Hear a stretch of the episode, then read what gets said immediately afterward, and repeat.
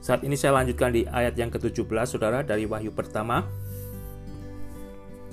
Demikian bunyinya. Ketika aku melihat dia, tersungkurlah aku di depan kakinya, sama seperti orang yang mati. Tetapi ia meletakkan tangan kan kanannya di atasku, lalu berkata, "Jangan takut, aku adalah yang awal dan yang akhir." Saudara mungkin pernah bertemu bahkan bersalaman dengan orang penting ya, orang penting, orang terkenal mungkin mungkin bintang film pujaan saudara atau penyanyi yang saudara idolakan. Sehingga pengalaman pertemuan saudara dengan orang itu membuat saudara merinding bahkan berkata wow ya. Tidak percaya gitu. Saudara mengalami akan peristiwa tersebut, saudara bisa berselfie bersama orang tersebut. Wow, itu ya. Di ayat ini saudara Yohanes menceritakan pengalamannya ketika akhirnya melihat Yesus dalam rupa atau penampilan yang berbeda dari yang Yohanes ketahui sebelumnya tentang Yesus. Di sini Yohanes melihat Yesus dalam rupa yang dia tidak kenali. Dan setelah Yesus akhirnya melihat orang yang berbicara tersebut, dia katakan dia tersungkur di depan kaki orang itu sama seperti orang mati. Yohanes adalah salah satu hamba Tuhan yang luar biasa, tetapi ketika ditemui oleh Yesus dalam rupa kemuliaannya, Yohanes tak sanggup menatapnya, saudara. Sebenarnya, siapa hamba Tuhan yang berani dan merasa layak untuk melayani Tuhan Yesus? Tidak ada, saudara, kecuali jika hamba Tuhan tersebut telah dididik di dalam kesalahannya, di dalam keangkuhannya. Melihat rekaman peristiwa pertemuan Yohanes dan Yesus dalam rupa sebagai penguasa, marilah kita belajar untuk tidak menjadi hamba Tuhan yang sombong. Ketika akhirnya Yohanes melihat siapa yang bersuara itu, Kembali, saudara. Yohanes itu jatuh tersungkur di depan kaki Yesus seperti orang mati, tidak berkutik, saudara. Tidak berkutik. Siapa orang Kristen yang layak untuk bertemu dengan Yesus? Siapa orang Kristen yang merasa layak untuk melayani Yesus? Bahkan siapa orang Kristen yang menuntut kepada Yesus? Tidak ada yang layak, saudara. Di dalam keadaan Yohanes yang jatuh tersungkur bagaikan orang mati setelah dia melihat Yesus. Yang indah di sini, Yesus yang menyentuh Yohanes dengan tangan kanannya sambil berkata, "Jangan takut, Aku adalah yang awal dan yang akhir." Indah luar biasa, saudara, di dalam ketakutan Yohanes, sehingga Yohanes sendiri jatuh tersungkur bagaikan orang mati. Yesus yang menemui Yesus itu, yang Yesus yang menemui Yohanes itu Yesus pula yang menyentuh Yohanes dan membangunkan Yohanes. Sambil berkata jangan takut. Indahnya luar biasa bertemu dengan Yesus yang begitu mengasihi hamba-hambanya sambil Yesus sendiri akhirnya memperkenalkan dirinya dengan titel Aku adalah yang awal dan yang akhir. Itu yang dipakai oleh Yesus. Titel untuk memperkenalkan dirinya kepada Yohanes adalah Aku adalah yang awal dan yang akhir. Titel yang awal dan yang akhir, saudara, adalah titel yang digunakan oleh Allah Yahweh dalam kitab Perjanjian Lama. Di antaranya terdapat dalam kitab Yesaya, dan salah satunya terdapat dalam Yesaya 44 ayat 6 yang berbunyi demikian, Beginilah firman Tuhan, Raja Penebus Israel. Tuhan semesta alam, akulah yang terdahulu dan akulah yang terkemudian. Tidak ada Allah selain daripadaku. Tidak ada Allah lain, saudara, selain daripada Allah Israel ini. Itu yang dicatat oleh firman Allah.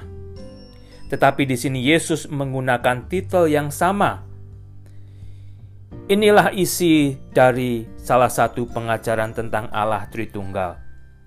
Yesus bukanlah sekedar manusia sempurna yang diajarkan oleh banyak pemimpin agama lain, tetapi di sini sebenarnya Yesus sendiri adalah Allah dalam rupa manusia, sehingga Yesus menggunakan titel yang sama yang digunakan oleh Allah Yahweh. Aku adalah yang awal dan yang akhir. Dan kita lanjutkan di atas di ayat yang ke-18 dan yang hidup. Aku adalah yang awal dan yang akhir dan yang hidup. Aku telah mati, namun lihatlah aku hidup sampai selama-lamanya, dan aku memegang segala kunci maut dan kerajaan maut. Dilanjutkan di sini, saudara. Yesus memperkenalkan dirinya dengan titel "Akulah yang awal dan yang akhir, dan yang hidup." Dan yang hidup, Dia ini adalah Yesus yang telah mati dan yang telah dihidupkan oleh Allah Bapa seperti yang telah difirmankan jauh sebelum kejadian tentang kematian dan kebangkitan Yesus terjadi. Inilah Yesus yang menemui Yohanes dalam rupa yang berbeda, rupa sebagai penguasa tunggal atas kehidupan dan kematian. Tiada yang lebih utama bagi manusia, saudara, untuk diperhatikan kecuali terlebih dahulu memperhatikan atau memprioritaskan tentang kehidupan kekal. Tetapi sayangnya, manusia dalam sejarah yang telah dicatat oleh kenyataan dan akan terus dicatat dalam kenyataan, manusia tidak memprioritaskan tentang kehidupan kekal. Manusia lebih memprioritaskan apa yang bisa membuat mereka bahagia saat ini sehingga apa pun akan mereka legalisasikan, sehingga apa pun akan mereka perjuangkan. Kehidupan kekal yang menurut firman Allah hanya bisa diterima melalui pemberian anugerah dari Yesus, penguasa tunggal atas kehidupan kekal. Perhatikan baik-baik, saudara. Yesus sendiri di sini berkata, "Aku memegang segala kunci maut dan kerajaan maut."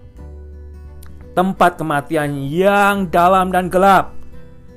Kalau seseorang mau mempelajari tempat tersebut, saya percaya orang tersebut tidak akan mau masuk ke tempat itu. Tetapi sayangnya, manusia tidak mau memperhatikan isi firman Allah yang sudah terus-menerus memperingatkan manusia agar manusia sebenarnya diselamatkan. Jika seseorang mati dan masuk ke dalam kerajaan maut, tempat kematian yang akan membawa mereka akhirnya yang ada ke dalam kematian kekal, yang akan membawa mereka kepada kematian kekal. Tidak seorang pun bisa melepaskan jiwa orang itu, saudara, dari tempat tersebut. Karena apa? Dikatakan di atas, karena Yesus yang memegang kunci-kuncinya. Seringkali kita mendengar doa atau harapan bagi orang yang sudah mati agar arwahnya diterima oleh Allah yang Maha Esa, agar arwahnya diterima oleh Allah yang Maha Kuasa. Saudara, kata-kata seperti itu adalah kata-kata yang menghibur ya. Kecuali bag, terutama kata-kata yang menghibur terutama bagi keluarga yang berduka. Kalau ada orang yang berkata semoga amalnya diterima di sisi Allah yang Maha Kuasa. Kata-kata yang indah didengar oleh manusia, kata-kata yang indah untuk menghibur keluarga yang berduka. Tetapi kalau kita kembali perhatikan di firman Allah di atas Siapa yang maha, maha Esa itu saudara? Siapa yang maha kuasa? Sebenarnya adalah Allah penguasa dan raja Israel itu sendiri. Dalam Yesaya 44 ayat ayat yang ke-6 yang di atas tadi saya sudah bacakan dikatakan tidak ada Allah lain selain Allah Israel, Yahweh. Dan segala kunci kerajaan maut telah diserahkan Yahweh kepada Yesus. Dan firman Allah dalam Ibrani 9 ayat 27 berbunyi, manusia ditetapkan untuk mati hanya satu kali saja dan sesudah itu dihakimi. Sehingga, saudara, tiket untuk masuk ke dalam kerajaan kehidupan kekal itu hanya bisa didapatkan oleh manusia ketika manusia itu masih hidup di dunia ini. Mati hidup seseorang ditentukan oleh takdir orang, orang itu sendiri. Apakah selama masih dia hidup di dunia ini, orang itu percaya jika kehidupan kekal itu hanya bisa diperolehnya dengan menerima anugerah keselamatan di dalam Yesus Kristus sebagai penguasa tunggal atas kehidupan dan kematian seseorang.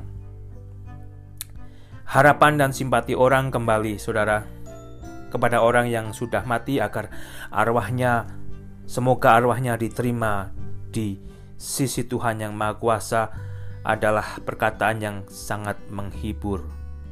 Tetapi berdasarkan pelajaran dan pengertian dari firman Allah dari Alkitab, tidak demikian. Dan doa dan harapan yang indah didengar oleh orang-orang yang ada, keluarga yang berduka, tidak akan merubah takdir orang yang sudah mati ya takdir orang yang sudah mati telah ditentukan oleh orang itu sendiri selama orang itu belum mati. Jika dia telah menyerahkan hidupnya untuk diselamatkan oleh Yesus, akan menerima kehidupan kekal. Tetapi kalau menolak Yesus, akan menerima kematian kekal. Dan segala kunci kerajaan maut telah dipegang oleh Yesus, penguasa tunggal, sehingga tidak ada yang bisa membukanya, saudara. Ibu, bapak, kakek, nenek, nenek Yesus pun tidak bisa membukanya, istilahnya ya. Apalagi manusia lain yang saudara harapkan bisa membawa orang yang sudah mati untuk diterima oleh Allah dan memperoleh kehidupan kekal. Tidak akan berlaku demikian.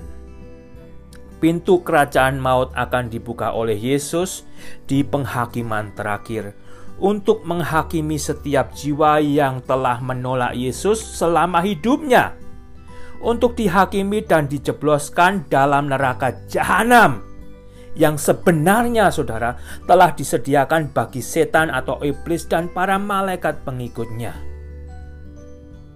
Oleh karena itu, kesempatan untuk memperoleh hidup kekal adalah saat di mana orang itu masih hidup, saat di mana saudara masih hidup. Sudahkah saudara sendiri menyerahkan hidup saudara untuk diselamatkan di dalam anugerah keselamatan Yesus Kristus? Jangan terlambat, saudara.